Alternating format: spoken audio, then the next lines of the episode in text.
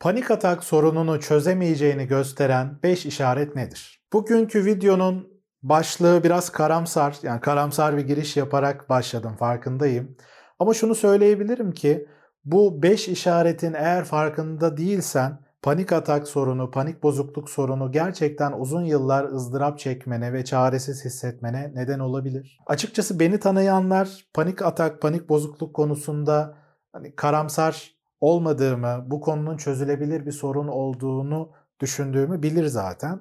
Ki klinik psikolog olarak uzun yıllardır bu tür sorunlarla da çalışıyorum ve bunun kesinlikle çözümlenebilir bir sorun olduğunu söyleyebilirim.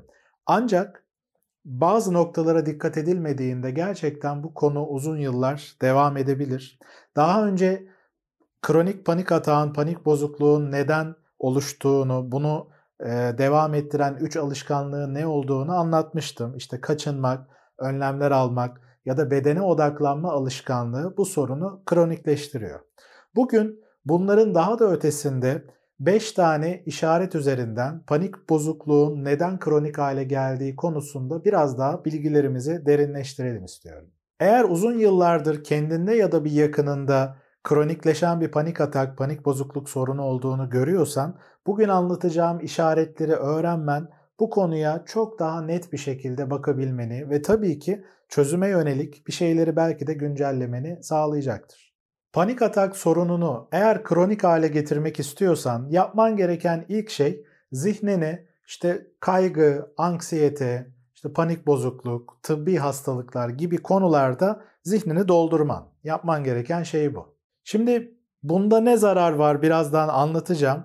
Ama hani bu bilgi alma ihtiyacını da anlayabiliyorum. Sonuçta yaşadığın sorunu anlamak istiyorsun ve ne gibi çözüm yolları bulabilirsin? Bu konuda tatmin edici cevaplara daha hızlı bir şekilde ulaşmak istiyorsun. Bu yüzden de belli kitaplar okuyorsun, internetten belli videolar izliyorsun şu anda olduğu gibi belli yazıları okuyorsun.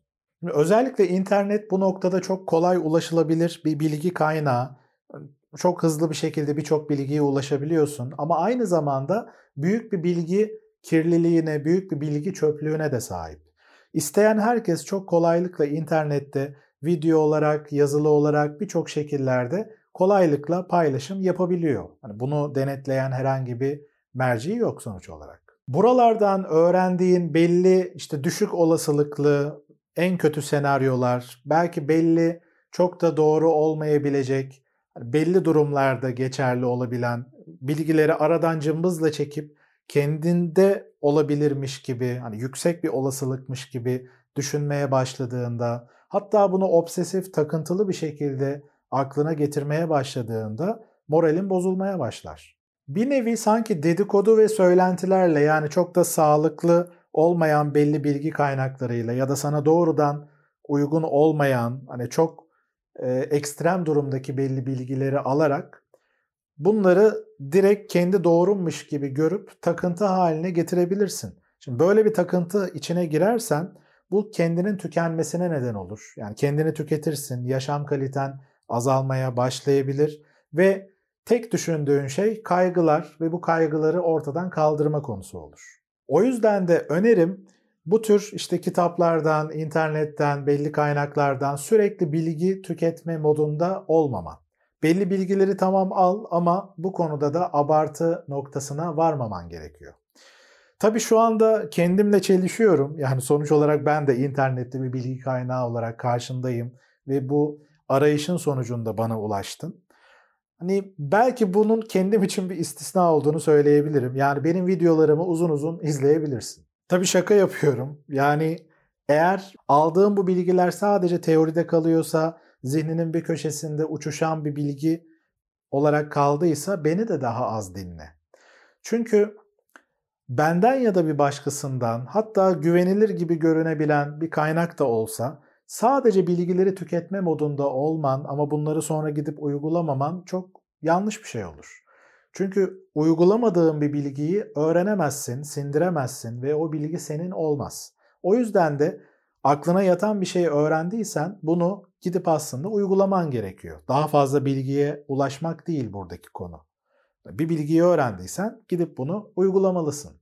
Bunu yapmadığın zaman sürekli bilgi tüketme modunda olduğun zaman şöyle bir illüzyona kapılıyorsun. Ben bu sorunu çözümlemek için aslında birçok şey yapıyorum ama bir, hiçbir şey değişmiyor. Hala bu sıkıntılar devam ediyor. İşte birçok şeyi öğrendim, fark ettim ama hala bu sorunlar devam ediyor dersin.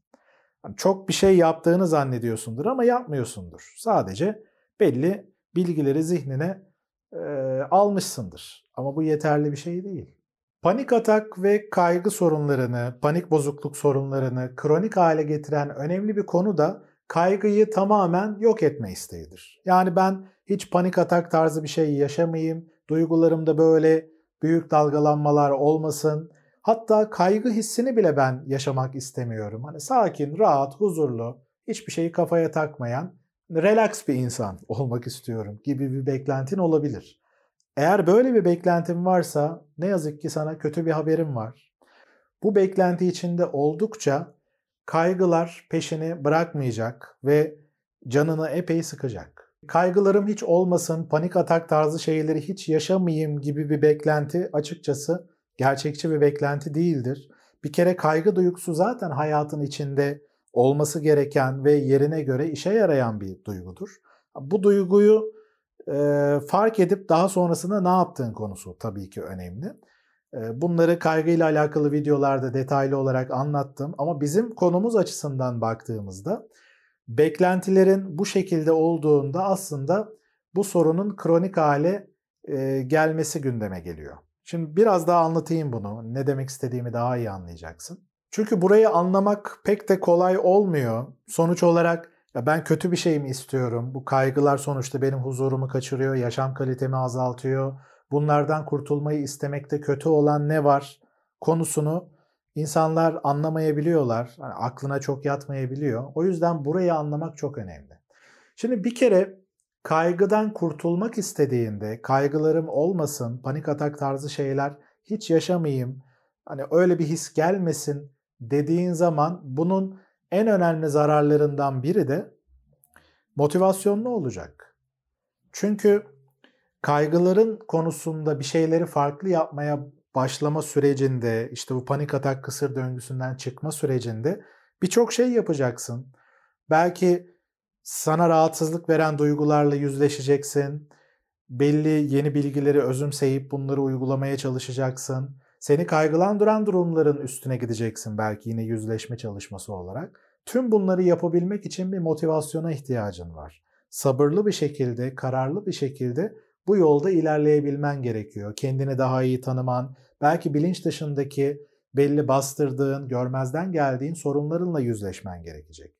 Tüm bunları yapabilmek için gerekli olan motivasyonu aşağı çekersin. Eğer işte kaygılarım, panik atak hislerim hiç olmasın gibi bir beklenti içinde olursan.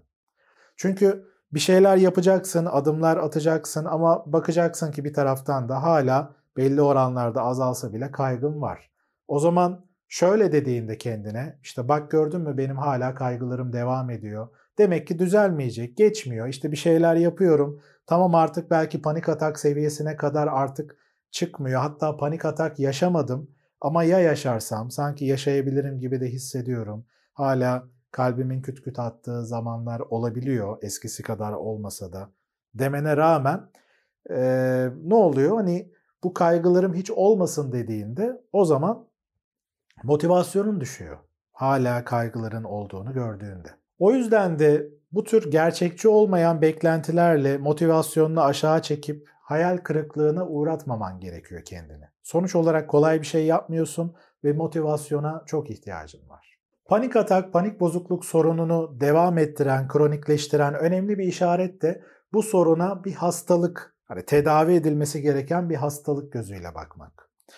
Çünkü böyle bir perspektifle baktığında gerçekten sorunu tam olarak anlamıyorsun, üstüne düşen sorumluluğu da tam olarak alamıyorsun. Çünkü çıkış noktanda sıkıntı var. Yine bu videoda aslında birçok kendimle çeliştiğim noktanın olduğunu düşünebilirsin. Az önce de bu noktalardan biri olabilir. Hani bir taraftan panik bozukluk diyorum. E, panik bozukluk sorununu kronikleştiren durumları anlatıyorum sana. Yani sonuç olarak buna bir bozukluk gözüyle bakıyorum. Hem de diyorum ki işte hastalık kelimesi, tedavi kelimesini kullanmamak lazım. Burada çelişmiyor muyum diye düşünebilirsin. Açıkçası bizim alanımızda belli psikolojik güçlüklere bozukluk deme alışkanlığı var. Yani literatürde de e, bir şekilde e, dil birliği açısından bu kelimeler kullanılıyor ama meselenin özünü doğru şekilde anlamak lazım. Benim kastettiğim nokta tıptaki hastalık perspektifiyle bakmamak gerektiği. Çünkü mesela panik bozukluk, panik atak sorunlarına bir hastalık olarak baktığında şöyle bir durum ortaya çıkıyor. Bende panik bozukluk hastalığı var. Ben bir hastayım. O zaman doktoruma gitmem gerekiyor. Doktoruma kendimi teslim edeceğim, ona anlatacağım derdimi. Sonra o benim hastalığıma teşhis koyacak. Sonra bu teşhis sonrasında beni tedavi edecek. Bir şeyler yapacak ve bu tedavim sonucunda artık hani ilaç mı verecek, ilaç tedavisi verecek. Sonra ben bu tedaviyi uygulayacağım kendimde yani ilaçları içeceğim sadece. Ya da artık terapi mi yapıyor, bir yöntem mi uyguluyor, gideceğim kendimi teslim edeceğim. O da bunu uygulayacak, bu tedaviyi gerçekleştirecek ve iyileşeceğim. Hani burada ne sorun var? Yani sonuç olarak adına ne dersek diyelim yardım almaya gidiyorum. O da bana yardımcı oluyor, çözüyor sorunumu diyebilirsin. Hani bu masum bir şey gibi görünüyor. Ama medikal modelle baktığımızda burada önemli bir sorun var gözden kaçabilecek. O da senin kendi kişisel sorumluluğun nerede başlıyor, nerede bitiyor konusu. İşte sen şöyle dediğinde beni bir doktor, bir ruh sağlığı uzmanı, işte hekim tedavi etsin dediğinde o zaman hani benim yapabileceğim bir şey yok. Sonuçta bu hastalık. İnsanlar hastalandığı zaman giderler doktor onu tedavi eder, bir şeyler yapar. İşte ameliyat mı eder, e, ilaç mı verir, bir şeyler yapar ve iyileştirir gibi bir beklentin oluyor. Şimdi böyle durumlarda kendi sorumluluğun aslında çok kenarda kalıyor. Hani yapabileceğin sorumluluk tedaviye uyum sağlamak. Hani belki orada olabilir. E, ve ücretini ödemek oluyor o tedavinin. Ama bizim alanımızda işler biraz daha farklı. Yani terapi alanına baktığımızda özellikle kendi üzerinde epey bir sorumluluk olduğunu söyleyebilirim. İşte bu sorumluluğun bilincinde olmadığında panik atak, panik bozukluk sorunları kronik hale gelebilir ki birçok kişide de gözlemlediğim önemli bir konu bu. Bunu özellikle hastanede çalıştığım dönemde çok daha net bir şekilde gözlemlemiştim. İşte bir psikiyatristle birlikte çalışıyorduk. Psikiyatrist bana panik bozukluğu olan mesela kişilerde terapi desteği için yönlendirme yaptığında gelen kişiler Aynı bu hastalık perspektifiyle baktığında işte bende panik bozukluk hastalığı varmış, beni tedavi edin, terapi uygulayın diye geldiklerinde mesela bu bizim aslında tıkanmamıza neden olabiliyordu. Şu açıdan tıkanmak. Yani bu modelde kalıp ben bir şey yapmayayım, siz bana bir şey uygulayın. Mesela işte EMDR, EMDR gibi bir yöntem uygulayın. Bir nevi benim psikolojik tümörlerimi temizleyin. Bu tümörler çıksın bedenimden. Böylece bir de bakayım ki aa ben çok iyi hissediyorum. Artık kaygılarım yok. Artık panik atak tarzı şeyler yaşamıyorum. Diyecek sanki noktaya geleceklermiş gibi zannediyorlar. Böyle bir beklenti içinde oluyor. Şimdi böyle bir beklenti içinde kaldıkça tabii ki hayal kırıklığına uğrayacaklar. Çünkü elimizde sihirli bir değnek yok. Psikolojik bir tümör yok bizim hani kazıyıp çıkarıp temizleyip sonra da iyileşmeyi sağlayabileceğimiz. Yani bu konular öyle şeyler değil. O yüzden de bu hastalık, tedavi tarzı kelimeleri kullanırken dikkatli olmak lazım. Yani terapinin ne olduğunu bu tür kişilerde özellikle anlattığımda o zaman tabii ki anlıyorlar. Kendi kişisel sorumluluklarını nasıl uygulamaya geçirebileceklerini fark ediyorlar ve bunun ne kadar önemli olduğunu anlıyorlar. O zaman taşlar yerine oturuyor. Ama bunu mesela o hastanede çalıştığım dönemde bu gibi işte hastalık, tedavi kelimelerine alışkın kişiler için ekstra anlatmam gerekiyordu. Yani terapinin nasıl bir şey olduğunu. Açıkçası biz terapide senin içindeki gücü ortaya çıkarmaya çalışıyoruz. Çünkü dert de sende, derman da sende bir nevi. O yüzden de sen kendi içindeki gücünü, kaynaklarını nasıl fark edebilirsin ve uygulayabilirsin, kullanabilirsin. Yani terapinin esas amacı bu. O yüzden de işte bu hastalık, tedavi gibi kavramlar pek de uygun değil. O yüzden de hatta biz danışan kelimesini kullanırız. Hasta kelimesini kullanmayız. Yani bunu pek tercih etmeyiz. Bazı kişilerde ağız alışkanlığı kullanılabiliyor özellikle psikiyatristlerde. Hekim oldukları için tıp hekimi aynı zamanda.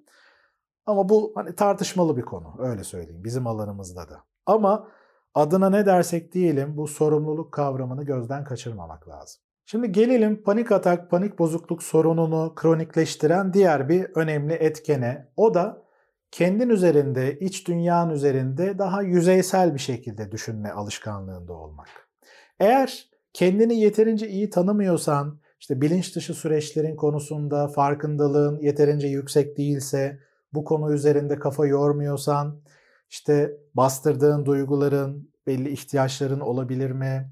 İşlenmemiş belli travmaların olabilir mi? Kendinde geliştirmen gereken belli konular var mı? Ya da şu andaki hayatında yatsıdığın, belki ihmal ettiğin belli sorunların var mı? Bu konularla ilgili eğer farkındalık düzeyin, bilinç düzeyin iyi değilse, yüzeysel bir şekilde bakıyorsan o noktada panik atak tarzı sıkıntıları yaşama olasılığı olabiliyor. Bunu özellikle psikolojik kaynaklı fiziksel e, sıkıntılarda daha çok karşılaşıyoruz bu durumla. Çünkü farkındalık düzeyi yüksek olmadığı zaman, bilinçli anlamda bir şeylerin yeterince farkında olmadığın zaman bir nevi bedenin yani bedensel sistemin sana işaretler veriyor.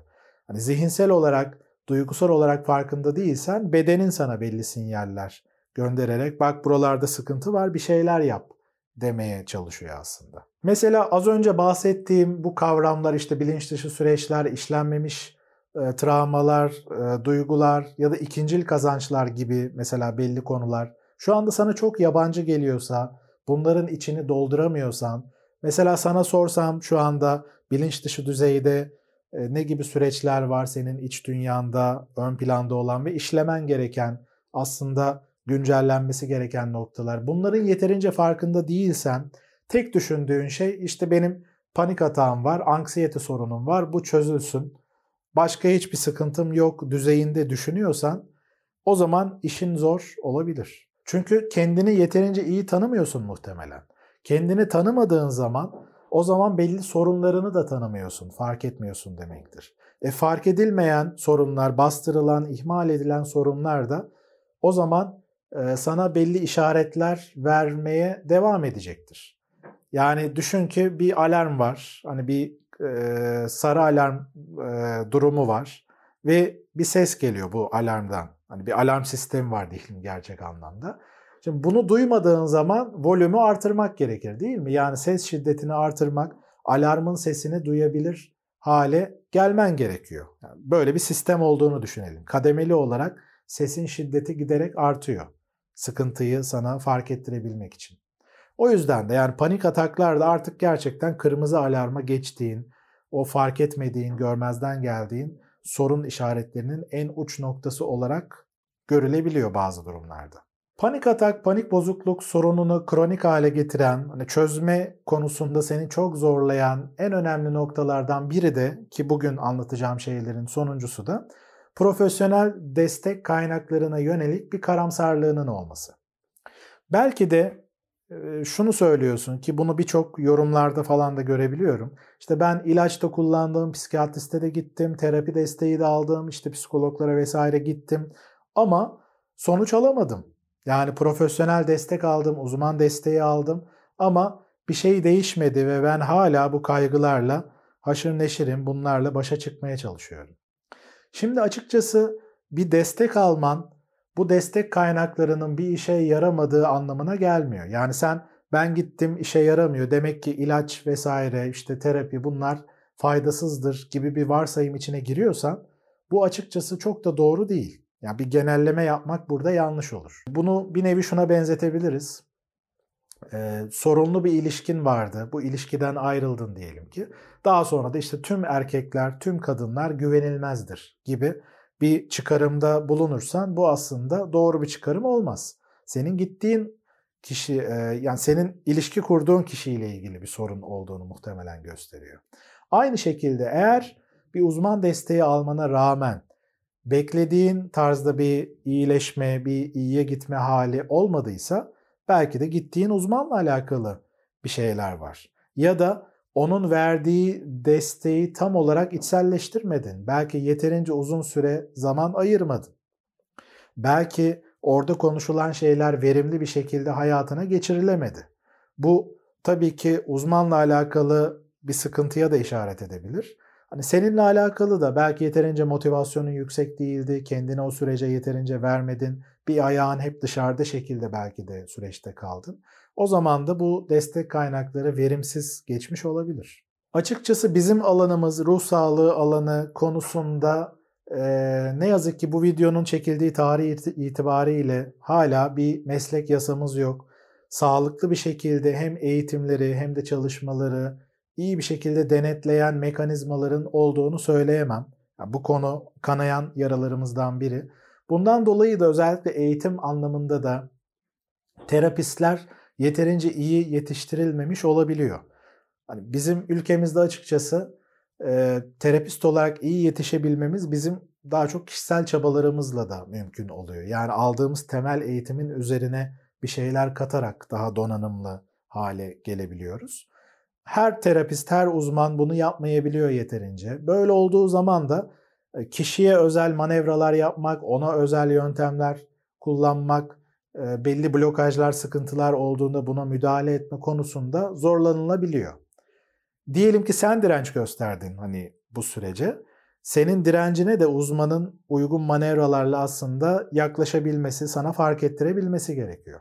Ama tabii ki tüm bunlara e, rağmen yani gittiğin uzman yetkin olmasına rağmen sen kendini yeterince vermediysen, işte sorumluluk bilincinin farkında değilsen, işte sürekli bilgi tüketme modundaysan o zaman zaten bu sıkıntılar çözmek zorlaşabilir. Yani diğer bahsettiğim işaretler de eklendiği zaman sorun daha da karmaşıklaşıyor.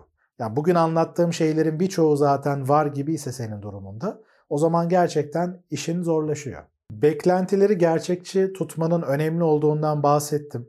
Yani yetkin olduğuna güvendiğin bir terapiste gitmene rağmen sen eğer gereken sabrı göstermiyorsan, alman gereken sorumlulukları almıyorsan, odaklanılması, çalışılması gereken asıl noktalara yeterince odaklanmıyorsan, tek düşündüğün işte bu hastalığım tedavi edilsin gibi bir bakış açısı olursa o zaman hayal kırıklığına uğrayabilirsin. Ama burada mesele seni uzmanın hayal kırıklığına uğratması değildir. Sen kırılacak bir hayal kurmuşsundur. Yani gideyim beni tedavi etsin gibi bir hayalin varsa bu hayal kırılacaktır. O yüzden bu noktaya da özellikle dikkat etmeni öneririm. Bugün seninle paylaştığım bu 5 işareti panik atak, panik bozukluk sorununu devam ettirebilecek bu 5 işareti göz önünde tutman ve bunları tabii ki yapmaman gerekiyor. Yani sonuç olarak panik e, atak, panik bozukluk sorunum neden devam ediyor gibi bir soru işareti varsa ve bugün anlattığım noktalarda belli bağlantılar kurabiliyorsan evet ya bu ikinci madde, üçüncü madde, dördüncü madde hatta birçoğu bende var diyorsan cevap basit. Bunları yapmaman lazım.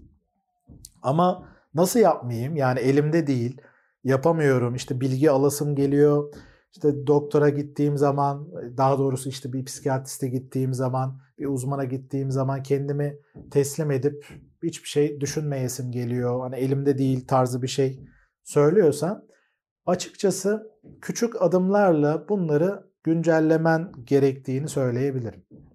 Evet zor olacak belki de ama yavaş yavaş acele etmeden sabırlı bir şekilde bugün seninle paylaştığım noktaları uygulamaya geçirmeye niyetlenebilirsin. Yap demiyorum yani yapmak sonuç olarak öncelikle niyetlenmeyi ve küçük adımlarla bunları uygulamayı gerektiriyor. Hani yapmak mükemmel derecede bunu uygulamak değil.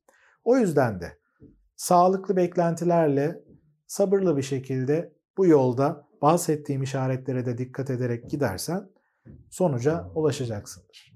Bu arada bu videoyu kapatmadan önce eklemek istediğim önemli bir nokta var. Bunu birçok videoda da paylaşıyorum ama değinmeden geçmeyeyim dedim.